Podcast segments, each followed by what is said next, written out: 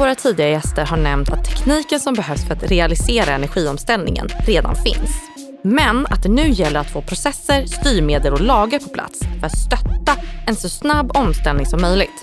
Därför ska vi i dagens avsnitt grotta ner oss i svensk energipolitik. Regeringen har ambitionen att Sverige ska bli världens första fossilfria välfärdsland med noll nettoutsläpp av växthusgaser i atmosfären till 2045. Men hur ska målet realiseras och vilka politiska åtgärder behövs? Särskilt elektrifieringen har pekats ut som ett av de viktigaste områdena av regeringen för att nå klimatmålen.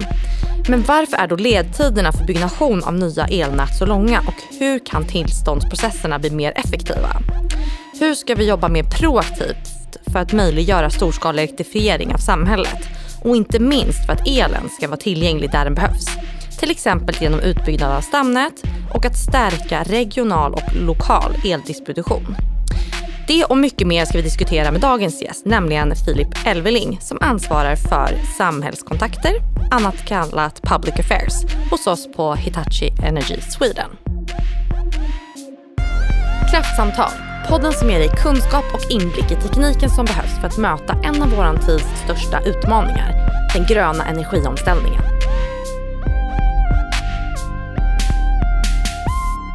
Filip Elveling har arbetat på Hitachi Energy sedan 2019. Innan dess så arbetade han på regeringskansliet, senast vid infrastrukturdepartementet och därmed ansvar för Sveriges internationella relationer på energiområdet. Tidigare så har han också jobbat för Nordiska ministerrådet eh, rörande nordiskt energisamarbete och den nordiska elmarknaden.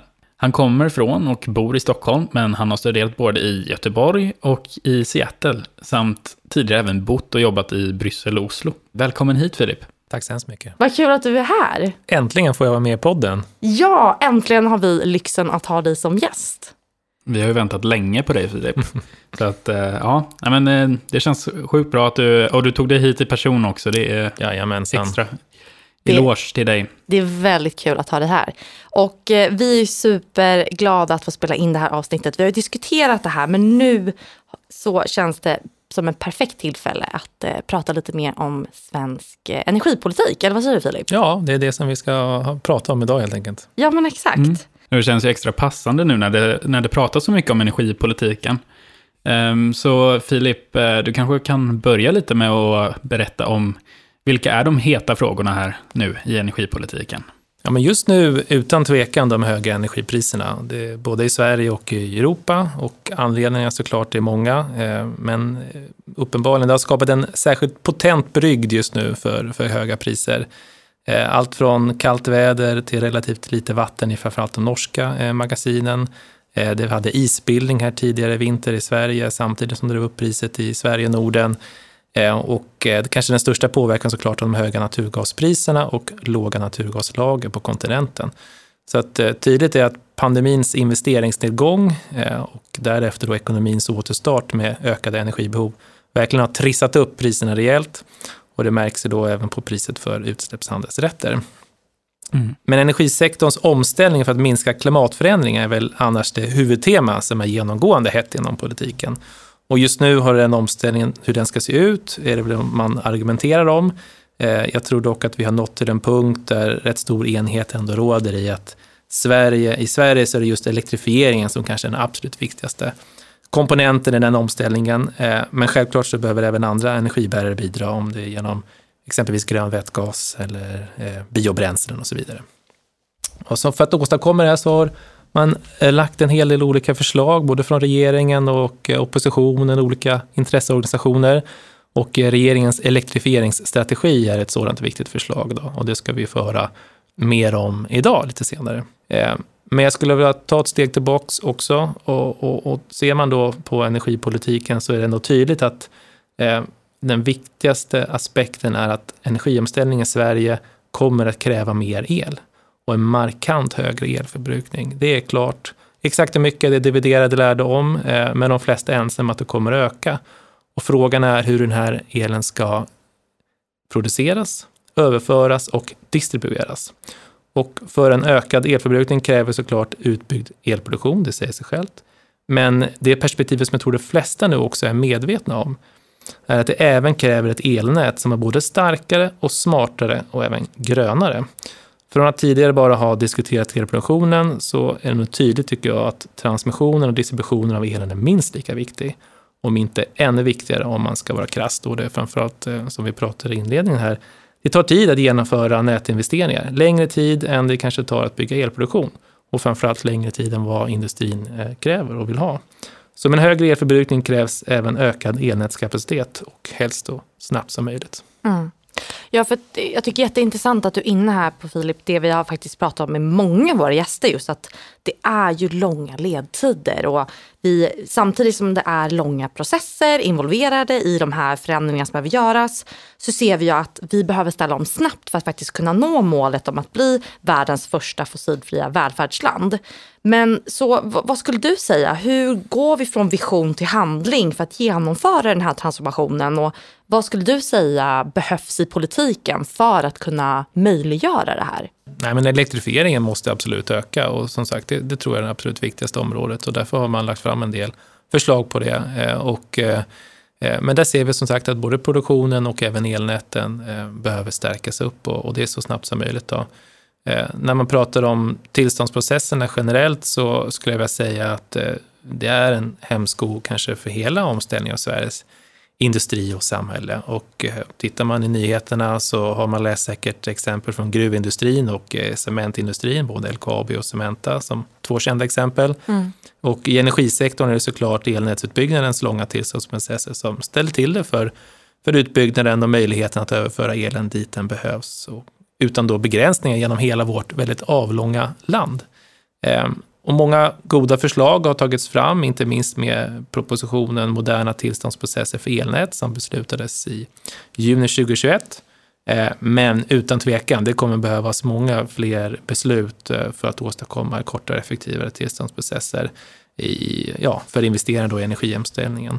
Ehm, jag tror att nyckeln är att titta mer på klimathänsyn i alla tillståndsprocesser. Det gäller elnät, infrastruktur, annan miljöprövning. Vi behöver en rättssäker tillståndsprövning som tar hänsyn till alla intressenter såklart. Ingen vill ha en tillståndsprövning som inte utretts korrekt. Men jag tror även att om, om man tar med klimatperspektivet ännu mer och fullt ut, det vill säga i mycket större utsträckning än den gör idag, så kan tillståndsprocesserna bli mer rättvisa också för även framtida generationer. Och på så vis också understödja att de projekten som bidrar eh, till klimatomställningen faktiskt realiseras. Ehm, så att det ska bli spännande att se vad som händer på det här området eh, framöver. Ehm, regeringen har ju tillsatt en utredning som ska se på möjligheterna för det här, eh, men jag tror att det behöver komma på plats så snart som möjligt och även i tillräckligt stor omfattning. Ehm, för jag tror inte vi vill ha en lagstiftning där tillståndsprocesserna snarare lägger krokben för den utbyggnaden som industrin och samhället behöver. En annan viktig lösning är såklart att kunna investera mer proaktivt i elnätskapaciteten. Eh, för det kommer ta lång tid fortfarande att få elnäten eh, på plats och eh, troligtvis längre då än vad det tar för elproduktionen att komma på plats och framförallt industrins ökade elbehov.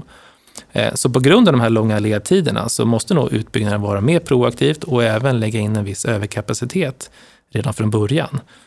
Och tillräcklig effekt, det ser vi nu, det är en ekonomisk tillgång. Eh, det ser vi gång på gång med nya etableringar runt om i Sverige kommuner som tävlar om att få nästa Northvolt eller eh, H2 Green Steel till sina eh, kommuner. Då. Så att, jag tror att det kommer vara väldigt viktigt framöver. Mm. Och jag tänker, vi har pratat lite om det nu, det här att eh, ja, men det kanske inte går så snabbt som vi önskar. Eh, ser du något exempel i något annat land som kanske har en snabbare och mer agil tillståndsprocess än vad vi har i Sverige?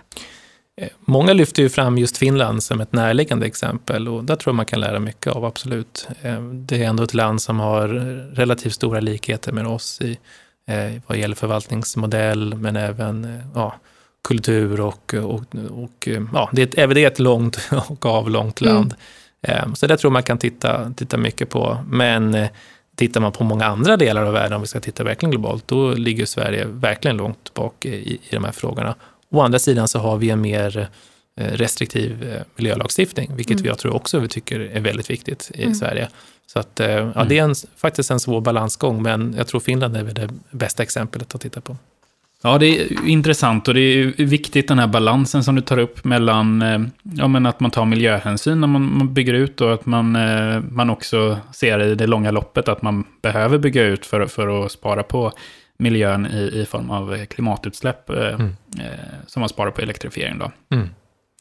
Men om vi tittar lite på, alltså i stort på utmaningarna som vi har i Sveriges energipolitik är det just här som, som de största utmaningarna ligger i, i balansen i, i att snabba upp men fortfarande köra rättssäkra processer? Eller eh, vad, ser du några andra exempel på, på stora utmaningar? Jag tror de, om de största utmaningarna vi ser i Sveriges energipolitik, och pratar vi då elsektorn, så är det nog att kom, undkomma den här låsningen kring vilket fossilfritt kraftslag som är det enda rätta. Eh, mm alla har sina fördelar och nackdelar. Eh, men det går att hantera och framförallt att kompensera med teknik eh, som viss del vi levererar, men även också ett starkare och bättre utbyggt elnät. Eh, så att kan vi lägga det bakom oss så tror jag faktiskt att vi har mycket vunnet. Och det viktigaste är att omställningen sker så snart som möjligt och även på ett kostnadseffektivt sätt för att inte äventyra framförallt industrins konkurrenskraft, men även samhällets finanser. Och jag tror elproduktion på rätt plats, det kanske inte är Sveriges styrka det senaste decenniet, eh, men att skapa olika incitament för en större lokal förankring och därmed acceptans tror jag är otroligt viktigt. Eh, det kan mm. vara som föreslaget i elektrifieringsstrategin som vi kommer få höra mer om, eh, att exempelvis då för vindkraften se på olika ekonomiska incitament för de berörda kommunerna, Eh, då via statens budget eller från de berörda bolagen. Ehm, men det kan också vara allt från solceller i, på taken i stadsplaneringen samt även då havsplanerna, eh, hur de kan styra havsbaserad vindkraft dit den behövs som mest i samklang såklart då med, med övriga intressen. Ehm, jag skulle även vilja nämna en långsiktig aspekt kring klimat och miljöstyrningen som behövs i hela värdekedjan för att åstadkomma en effektiv eh, energiomställning. Ehm, den här utmaningen går lite i linje med vad jag nämnt om klimathänsyn i tillståndsprocesserna. För de infrastrukturbeslut som fattas nu kommer vi behöva leva med en lång tid framöver. Och då gäller det att bygga rätt och klimatsmart redan från början. Och tar vi då elnäten som ett exempel så bör det här styras än mer mot klimat och miljöanpassade produkter och system. Till exempel då genom gröna upphandlingar som, som många har pratat om, eh, men då man använder teknikneutrala jämförelsemåttet som Global Warming Potential exempelvis, så att olika lösningar och dess långsiktiga klimatpåverkan kan påvisas i upphandlingen.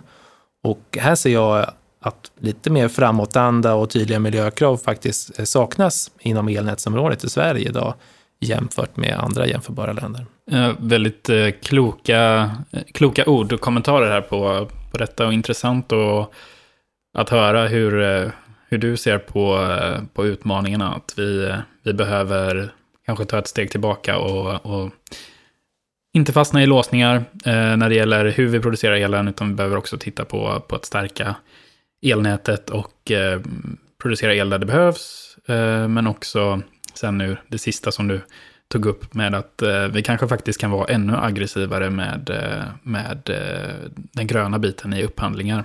Eh, väldigt intressant Filip.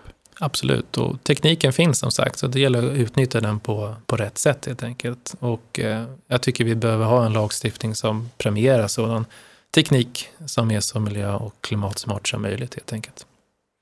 Mm. Och, och, jag tänker det är jättespännande att höra dina tankar kring det här Filip är det sådana här trender vi ser på marknaden? Är det, är det liksom, de blåser vindarna liksom med samma budskap som du förmedlar här? Är det, är det här någonting vi kommer se mer generellt framåt, även liksom i, på den här marknaden tror du? Ja men det tror jag absolut. Eh, om vi pratar om ökade miljökrav för produkter, exempelvis då elnäten, så ser vi andra länder, inte minst Storbritannien, som, som går före eh, inom det. Men, och det kommer komma på andra marknader också, så är det. Men sen, eh, världen är inte svart och vit, den är väldigt många gråskalor.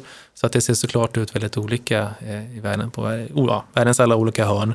Eh, men om vi pratar om elproduktion på rätt plats så har det varit som sagt något som andra länder mycket mer tydligt styrt mot. Det har vi inte gjort i Sverige tidigare, framförallt med elcertifikatsystemet, utan marknaden, upp till marknaden att placera elproduktionen där den är mest gynnsam och där man får tillstånd. Då. Eh, men vi ser ju att det finns ett, ett underskott i södra delen av landet och det kanske man på något sätt behöver stödja. Mm. Absolut. Sen så har du ju eh, tagit upp det, eller eh, foreshadowat lite att vi ska gå in och eh, prata om eh, elektrifieringsstrategin. Eh, så jag tänker att det kanske börjar bli dags att eh, ta in vår gäst eh, idag, Truls Borgström. Truls Borgström arbetar på regeringskansliets infrastrukturdepartement och har varit samordnare för arbetet med den nationella elektrifieringsstrategin. Truls har i nästan 20 år arbetat inom politiken med energifrågor och har innan dess en bakgrund på Vattenfall och en examen i kemiteknik med fokus på miljö från Kungliga Tekniska Högskolan. Välkommen hit Truls! Tack så mycket för den introduktionen. Kul att ha med dig. Ja. Och vi har med Filip här också, Filip Elveling, eh, som också jobbar på Hitachi Energy, eh, som sitter i bakgrunden och lyssnar på vad du säger, så du vet det. Det stämmer. Och eh, ja, vi, vi har ju haft eh, förmånen att prata lite innan här med Filip och då har vi ju nämnt elektrifieringsstrategin som precis eh, kommuniceras ut här i närtid. Och du har ju varit eh, en, en viktig del och ansvarig för den här elektrifieringsstrategin som regeringen nu har lanserat. Kan inte du berätta lite om arbetet och eh, strategins slutsatser och ja, några förslag i stora drag? Ja, det kan jag gärna göra. Eh, det, precis, det var ju, regeringen tog ju beslut om den här strategin eh, häromveckan som ni sa. Och som jag sa, det har ju varit, vår ambitionen har varit liksom så snabbt som möjligt egentligen eh, komma ut med någonting som kan hoppas vi eh, har brett stöd bland både intressenter och våra myndigheter. Alltså kortsluta det här arbetet lite grann. Jämfört med kanske hur vi normalt brukar jobba, för då, då kanske regeringen beslutar om ett regeringsuppdrag till någon myndighet, ta tar fram någonting som sen kommer in och sen ska överremittera det. Eh, eller att man tillsätter en offentlig utredning och så. Så det, det är sådana här processer som kan faktiskt ta ännu längre tid än de som vi jobbat nu då. Förstår, förstår jag att eh, ja, det finns förväntningar på att det ska gå ännu snabbare, för elektrifiering går ju snabbt. Det är ju mm. på mycket sätt positivt, för, både för klimatet och för, för de möjligheter som det ger Sverige. Men skönt att det är mål. Eh, mm. Och nu är vi liksom igång att presentera de här slutsatserna och, och lyssna in vad olika intressenter tycker och planera nästa steg helt enkelt. Det låter ju som eh, ett jättekomplext uppdrag eh, att behöva samordna alla de här olika perspektiven och sen samtidigt försöka få ett brett stöd för det och, eh, och hålla uppe hastigheten då på, på eh, implementeringen.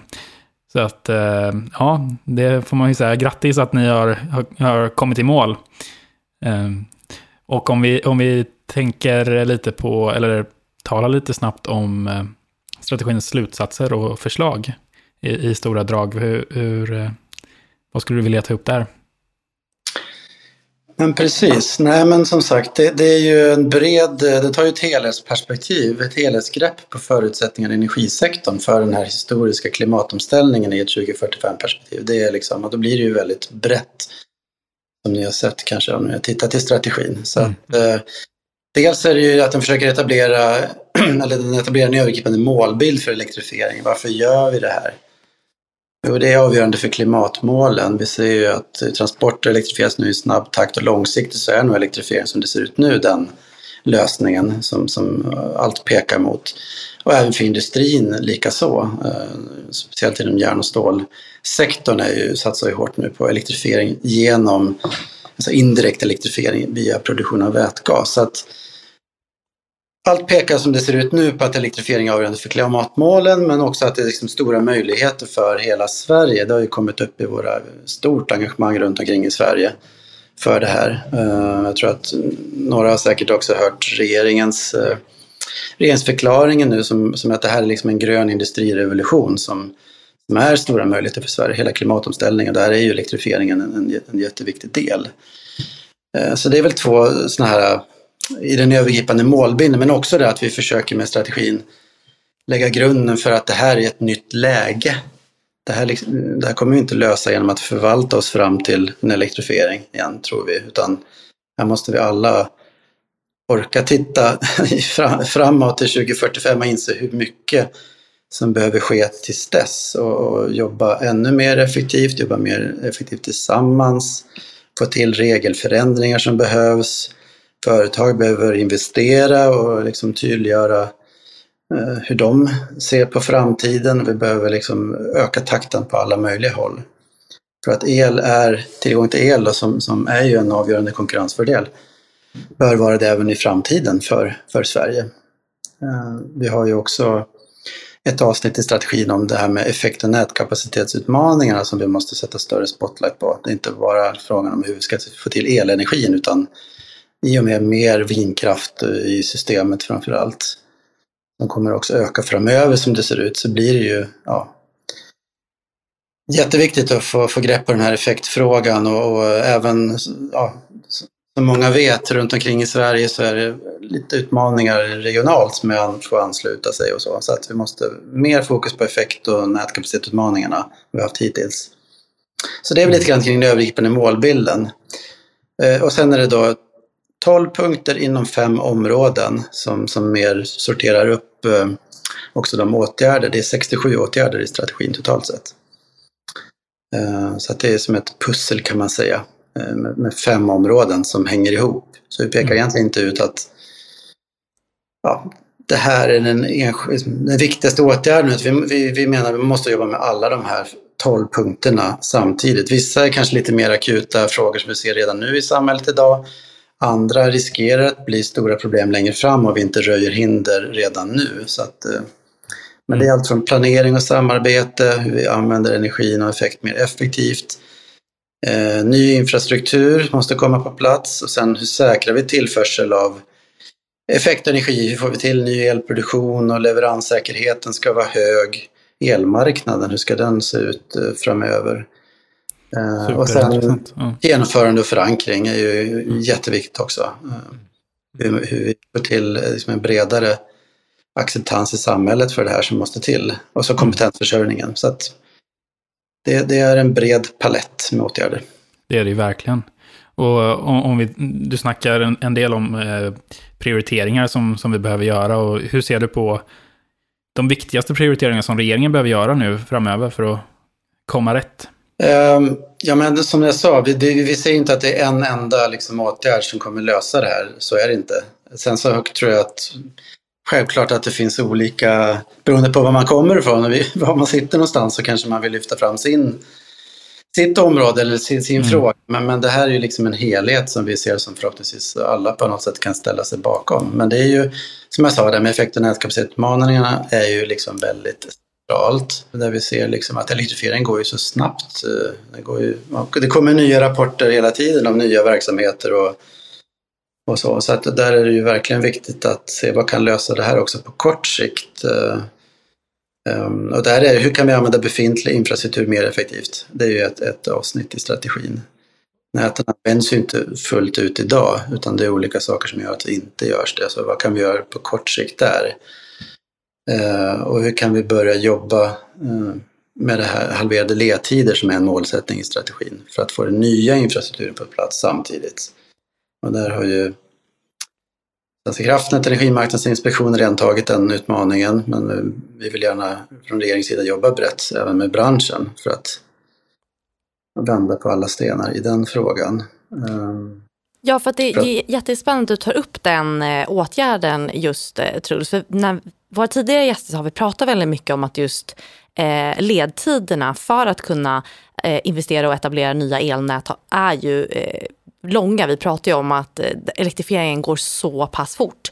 Eh, och du, du nämner ju det lite här, men vilka, har du något exempel på någon eh, eh, ja, men, kanske action för, som kan faktiskt göra så att vi kan nå det här målet med att halvera ledtiderna senast 2025? Ja, eh, jo men det är väl som sagt även där, det är sånt här område, vi måste verkligen, det, det, är en rejäl utmaning. Sen vet jag att viss, viss industri vill att det ska gå ännu fortare. Så den här målsättningen är då i genomsnitt, så vissa kommer kanske kunna gå snabbare och andra långsammare.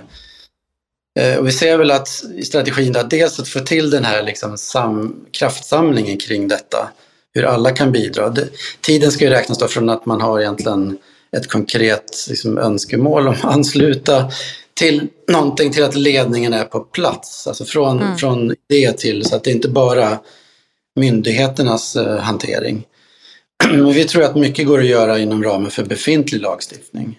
Mm. Till exempel att jobba med parallella processer och kanske lite mer innovativa arbetssätt. Eh, och då är ju resursfrågan också viktig, att myndigheterna har tillräckliga resurser för det.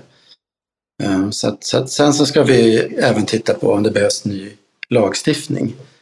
Eh, det, det, det, ska vi absolut titta på, men, men det tar ju alltid lite längre tid. Vi har ju klimaträttsutredningen som tittar på en del frågor här. Hur vi ska bygga elnät snabbare, som kommer tror jag i maj med sitt betänkande. Så att, eh, ja, det, det var några, några exempel. I strategin så lyfts eh, kompetensförsörjningen upp också. Eh, och eh, i Sverige så har vi ju en lång och stolt tradition om just elkraftsbranschen, mycket kunnande och forskning och teknikutveckling. Eh, och ni tar ju upp att hela energibranschen såklart behöver kompetens framöver. Eh, men hur tänker ni kring kopplingen med runt forskning och innovation och framförallt hur regeringen väljer att eh, finansiera den statliga forskningen på det här området? Vad, vad, finns det för åtgärder som man kan tänka sig, eller inriktningar som kan understödja det framöver? Um, ja, nej men absolut. Kompetensförsörjning, alltså har vi inte den på plats och tillräckligt så blir det här väldigt svårt. Det är ju där liksom egentligen man måste börja och där är väl ett generell, en generell utmaning för många branscher, inte bara energibranschen. Och jätteviktigt att jobba med det tillsammans, eh, branschen igen då, myndigheter, stat, utifrån sina olika eh, roller och ansvar i det här. Eh, så det är därför vi, vi i strategin föreslår att vi, vi gör en kraftsamling och liksom tydliggör ännu mer vilka behov som finns här och vad som kan göras mer. Eh, regeringen har, har i senaste budgeten en satsning på på det här området inom klimat, klimatkompetens så att säga. Så att, men men det, det, kan säkert behövas mer men det, det blir också en, förstås en politisk fråga hur, hur man vill gå vidare med det och även med, med forskningsmedel. Mm. Eh, jag är ju opolitisk tjänsteman så att jag kan inte riktigt föregå sådana diskussioner. Vi berör ju också forskningen som, som ni ser i själva mm. mm. strategin som en viktigt, väldigt viktigt område. Mm där vi behöver på något sätt eh, utreda förutsättningar för en samlad eh, kunskapssatsning. Mm. Nej, men precis. För stor omställning som, som det här handlar om. Mm. Nej, men och där tänker jag precis att det kan vara av vikt att man också inriktar då energiforskningen på de områden som man försöker att eftersträva i, i strategin då, så att man på bästa ja. sätt kan understödja den. Det, det, är lite tanken, att mm. man kanske man kan titta på de här tolv punkterna.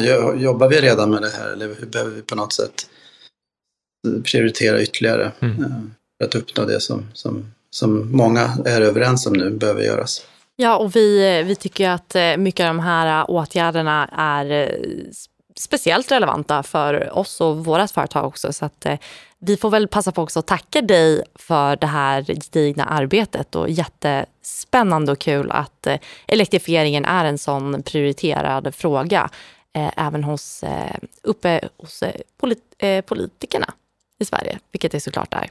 Eh, så att, eh, stort tack för att du deltog i dagens avsnitt, Truls. Tack så mycket för att jag fick vara med och prata lite om elektrifiering. Tackar. Ja, nu har vi fått lyssna lite mer kring eh, elektrifieringsstrategin av Truls. Och vad, vad är dina spontana tankar nu efter att ha lyssnat på vad Truls förmedlade här idag, Filip? Verkligen efterlängtad strategi. Ehm, det tycker jag verkligen. Och jag ser att även om många åtgärder såklart kommer dröja eh, och det är många detaljer såklart som måste komma på plats, så är det ändå en otroligt viktig inriktning. Eh, Sverige är ett land som kommer gå i bräschen för storskalig elektrifiering. Det känns väl ganska skönt. Och det har vi förvisso gjort för över hundra år sedan och även under 50 och 80-talet. Men om vi nu kan samlas kring en strategi för att göra det igen i 2022 och framåt, det tycker jag vore otroligt roligt. Eh, men såklart, mycket arbete kvarstår. Eh, tydligt dock är att energisektorn verkligen är en spännande bransch att arbeta inom, både nu och framöver. Nu har vi pratat väldigt mycket om Sveriges energipolitik, men eh, vi har ju också EUs energipolitik som påverkar oss och övriga världen. Kan du berätta lite mer om det, Filip? Ja, men absolut. Sveriges energipolitik agerar ju inte i enrum.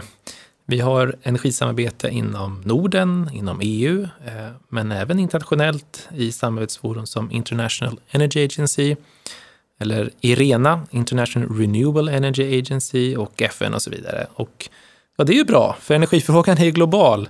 Allt från mm. prisutvecklingen på el och nu även som vi ser med regionalt höga elpriser som påverkas av exempelvis naturgaspriset. Då. Ehm, så att även kopplat till klimatfrågan som också är global. Så vi får inte tro att vi kan lösa allt själva i Sverige med vår egen eh, politik, utan det är viktigt att det här sätts i ett sammanhang. Och, och jag tänker ju då, vi blir mer och mer glo eh, ett globalt samhälle och vi har pratat lite om, ja men nu har ju vi satt våran eh, eh elektrifieringsstrategi på, på Sverige-nivå. Hur, eh, hur, hur mycket påverkas vi av länderna omkring oss och deras politiska eh, inriktning. Jag, jag, menar, vi har ju satt våra nationella mål, men kan det bli så i praktiken att om ett land väljer väldigt annorlunda riktning, att det kan ge direkt inverkan på Sverige och vår energipolitik? Det påverkar jättemycket vad andra länder gör, som du säger, inte minst elmarknaden som är sammankopplade med våra nordiska länder och delar av Europa, eh, men även övrig energipolitik, allt från eh, ja, olja och naturgaspriser och, eh, till, till utsläppsrättspriser. Ehm, så att, eh, och, ja, vi agerar inte i ett vakuum och vi kommer alltid eh, bli påverkade av omvärlden, men samtidigt så har vi såklart vägen att besluta om det vi kan besluta om i Sverige då, och välja den inriktningen. Och det tycker jag att man har gjort med elektrifieringsstrategin. Man har satt elektrifieringen i, i centrum för, för vägen framöver. Mm. Och eh, om man tänker på, på nu, nu det, säger du, det är fokus på, på elektrifiering, och eh, man har perspektivet på Sverige, man har EU-perspektivet och så vidare. Ehm, hur, vad, vad, ser du egentligen när det gäller fokus på eh, den totala klimatnyttjan? Alltså tittar man på att vi ska vara duktiga i Sverige eh, eller tittar man på, på effekterna som det får på, på en global elmarknad vad vi gör? Det är viktiga perspektiv att lyfta fram och inte minst vad vi i Sverige kan bidra med också till, till resten av världen. Ehm, Tittar man på elproduktionen såklart, vi kan exportera fossilfri el till andra länder. Det är inte nödvändigtvis dåligt. Eh, däremot så finns ju utsläppshandelssystemet då, så att eh, på så vis så kan ju någon annan släppa ut någon annanstans inom EU. Men samtidigt ser det också exportintäkter till, eh, till Sverige. Mm. Men jag skulle även vilja slå ett slag för den teknikutvecklingen som kan ske då på svensk marknad. Eh, som kan ha verkligt stora konsekvenser, positiva sådana, för klimatnyttan i andra länder. Eh, och det har vi sett inte minst då med den tekniken som vi levererar, men även många andra bolag i Sverige, små som stora, hur eh, mm. en marknad som drivs på av ett, ett gynnsamt klimat i Sverige också kan positivt inverka på minskade utsläpp av växthusgaser i, i andra länder. Eh, så den aspekten tycker jag är viktigt att ta med när man väljer att vara ett för, eller framgångsland som Sverige. Ja. Att eh, man kan göra nytta även som ett litet land. Intressant, så du, du tänker liksom att om man går aggressivt fram och vågar satsa på ny teknik eller skapa förutsättningar eh, som, som skapar ny teknik i, i Sverige så kommer det att också kunna, eh, efter att det är bevisat att det funkar då i Sverige, så kan man, kommer det exporteras och skalas upp eh, gynna hela världen. Ja, men precis. Det är ett eh, väldigt bra exempel. Sverige kanske inte är största landet, men kan man visa på en referens här så kan man också skala upp det i andra länder och få ännu mer eh, klimatnytta. Väldigt intressant. Jättespännande att höra mer om, ja men, eh, höra dina tankar kring energipolitiken under dagens avsnitt Filip. vi tänkte sätta dig lite på plats här och ställa en avslutande fråga som vi ger till alla våra gäster. Eh, och vad skulle du säga är den viktigaste faktorn för att vi ska faktiskt kunna ställa om till det här fossilfria energisystemet? Då skulle jag säga att det viktigaste är att vi har ett framtidssäkrat elnät och ett elsystem. Eh, för elbehovet eh, som vi pratat om, det väntas öka mångfalt och hushållen och industrin kommer inte kunna vänta på att vi ska bygga ut elnäten med 10 till 15 års ledtid. Jag tror att Sverige måste kunna investera i elnät som håller över tid och som tar höjd för den stora och snabba elefterfrågan. Eh, tittar vi tillbaka i historien, 1951 så togs världens första 400 kV växelströmsledning, Harsprångslinjen, i drift. Då i samarbete mellan oss, då, dåvarande ASEA och Vattenfall. Och den möjliggjorde överföring av kraft från vattenkraftverket Harsprånget i Norrland hela vägen till Hallsberg Svealand. Och några år efter, 1954, så byggde vi då också tillsammans med Vattenfall världens första kommersiella HVDC-länk, det vill säga högspänd likström, mellan fastlandet och Gotland. Och en teknik som har kommit att revolutionera hela elkraftsbranschen och blivit en global framgångssaga. Och tittar man i den förra elektrifieringsvågen så var Sverige tidigt ute och vågade ta de här besluten om banbrytande tekniker och spänningsnivåer eh, samt även då säkra elförsörjningar för lång tid framöver.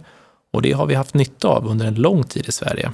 Och jag tror att denna typ och magnitud framför allt av infrastrukturinvesteringar behövs även framgent för att framtidssäkra elsystemet och möjliggöra att Sverige kan gå först i denna vår tids elektrifieringsrevolution. Wow, vilken avslutning Filip! Eh, fasen var, var, var bra ord och eh, tack så jättemycket för, för, din, för ditt input. Det var jättekul att ha dig här idag Filip. Tack själv! Superroligt. Tack så jättemycket Filip. I nästa avsnitt träffar vi Rebecka Bergholtz på Energimyndigheten som berättar vad vi kan lära oss av energivintern 2021-2022. Vi diskuterar bland annat hur den europeiska marknaden påverkar det svenska elpriset och om hur konflikterna i vår närhet nu påverkar hela energisystemet. Gäster oss gör även Fredrik Isaksson, en riktig veteran inom Hitachi Energy som kommer berätta mer om några av de tekniska lösningarna som kan sänka elpriset framåt. Häng med!